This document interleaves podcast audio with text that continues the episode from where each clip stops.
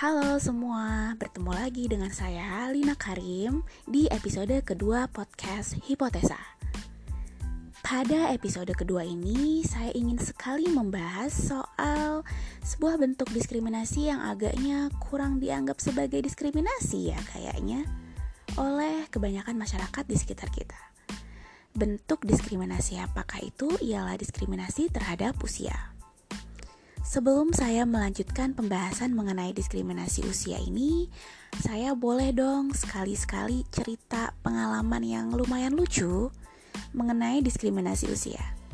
Kejadiannya itu kebetulan saat saya dikenalkan dengan seorang pria yang usianya terpaut beberapa tahun lebih muda dari saya.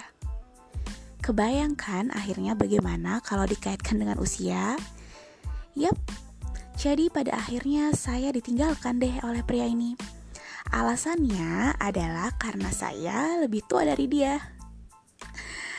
Terlepas dari benar atau tidaknya alasan yang dia sampaikan itu, pengalaman saya barusan sebenarnya hanya sedikit dari banyak sekali contoh bentuk diskriminasi terhadap usia yang terjadi di kehidupan sehari-hari. Kali ini saya ingin mengambil contoh lain yang lebih serius ya dibandingkan pengalaman saya yaitu diskriminasi usia dalam hal pekerjaan. Kita sering kan melihat di papan pengumuman pencarian kerja mengenai batas usia yang boleh mendaftar di pekerjaan-pekerjaan tertentu. Memang sih, sangat masuk akal karena ada beberapa pertimbangan yang membuat orang-orang di kelompok usia tertentu lebih diutamakan dibandingkan mereka yang usianya lebih tua. Mereka yang usianya lebih tua itu terkadang dianggap tidak mampu bekerja dengan cepat atau kemampuan mempelajari hal barunya itu lebih lambat jika dibandingkan dengan mereka yang usianya lebih muda. Fakta-fakta ini tidak bisa disangkal, tapi sebenarnya membuat saya agak sedikit bergidik dan kurang nyaman, apalagi karena saya berencana untuk ingin tetap bisa menjadi orang yang produktif hingga berapapun usia saya nanti. Jadi, diskriminasi terhadap usia itu apa ya? Ada istilah populer yang sering digunakan oleh orang-orang untuk merujuk pada diskriminasi usia. Istilah tersebut ialah ageism. Ageism ini pertama kali dipopulerkan oleh Robert Neil Butler oleh beliau, ageism digambarkan sebagai bentuk diskriminasi terhadap mereka yang dianggap memiliki usia yang lebih senior dan memiliki pola-pola seksisme dan rasisme. Dari awal, ageism ini memang ditujukan untuk orang-orang yang usianya lebih tua. Namun, istilah ageism baru-baru ini mengalami perluasan makna karena mulai dikaitkan dengan perlakuan-perlakuan tidak adil kepada siapa pun hanya karena ada perbedaan usia.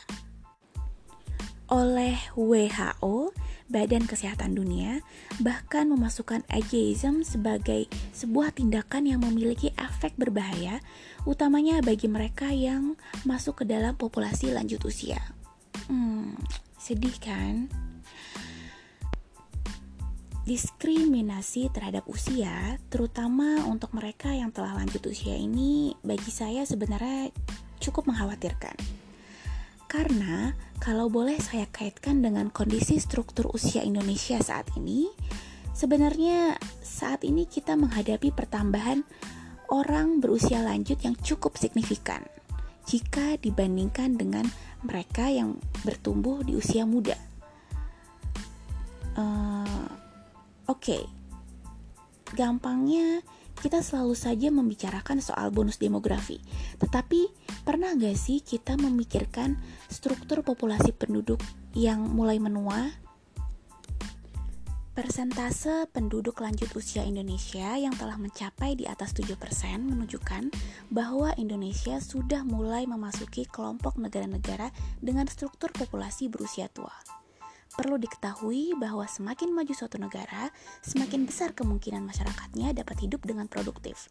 Sebaliknya, kalau terjadi di Indonesia, bertambahnya jumlah penduduk berusia tua berarti akan meningkatkan angka ketergantungan hidup. Pada tahun 2018, angka ketergantungan hidup Indonesia sudah berada di sekitar 25%. Apalagi jika Indonesia sudah memasuki masa-masa yang melewati masa bonus demografi. Angka tersebut hampir dipastikan pasti akan jauh lebih meningkat dari angka sekarang. Kemungkinan pesimis yang terjadi di masa depan memang masih bisa berubah, tapi nggak ada salahnya juga kalau kita dari sekarang mulai mempertimbangkan berbagai kemungkinan yang bisa kita lakukan untuk mempersiapkan usia lanjut yang meningkat di masa depan.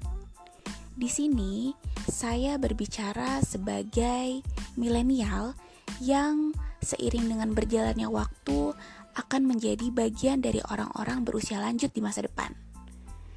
Sebagai milenial, saya nggak mau juga dong kalau di masa depan generasi milenial ini disebut-sebut sebagai generasi yang cuma bisa nambah-nambahin beban dan ketergantungan di generasi di bawah kita.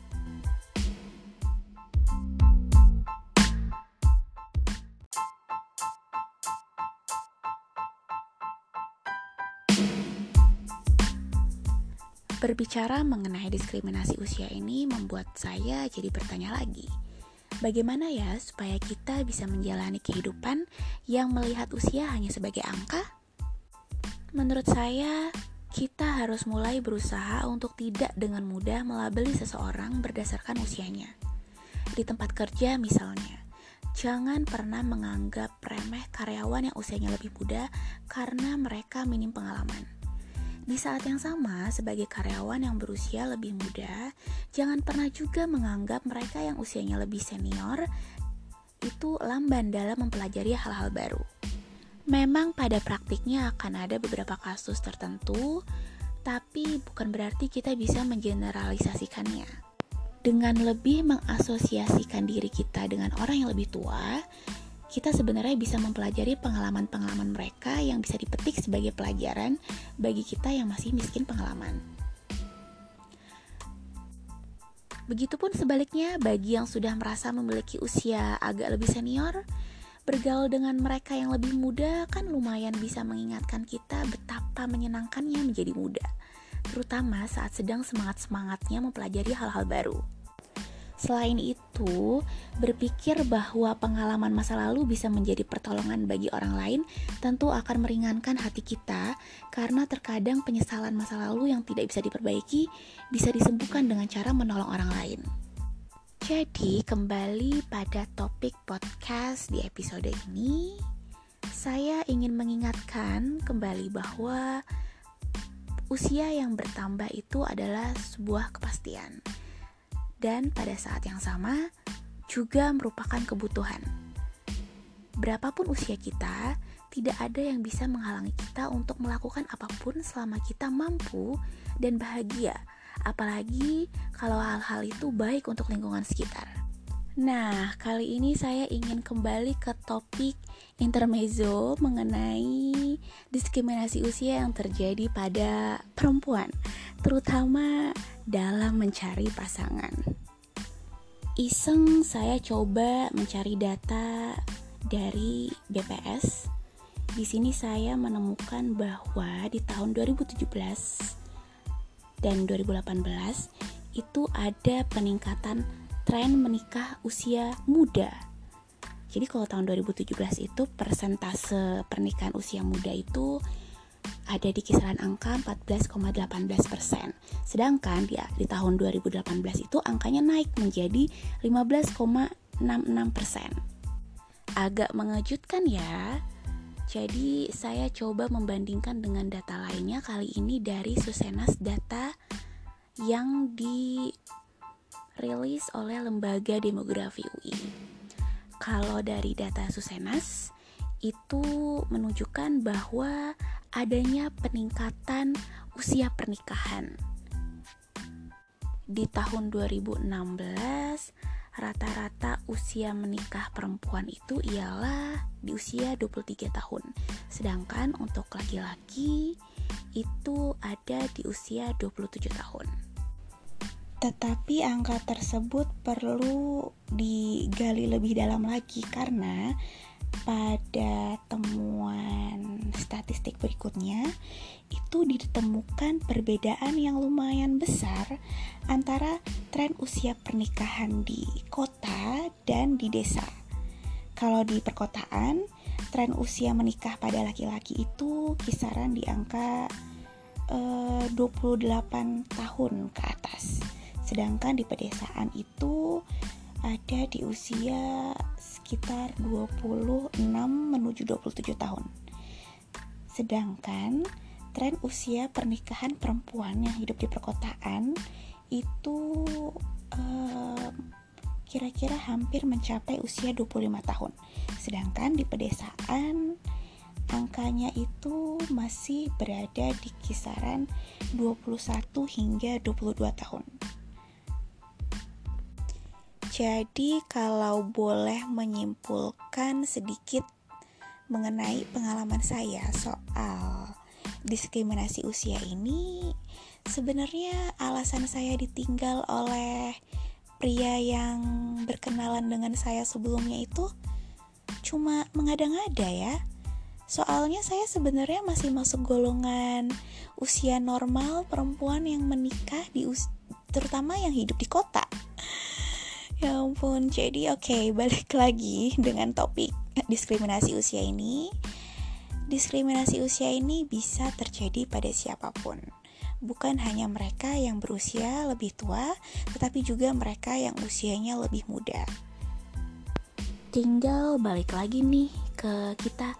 Apakah kita akan menjadi bagian dari mereka yang dengan mudahnya melabeli orang-orang tertentu hanya dari usianya? Atau jangan-jangan kita sendiri yang membatasi diri kita hanya karena usia kita gak match nih untuk melakukan hal-hal tertentu yang dibatasi usia?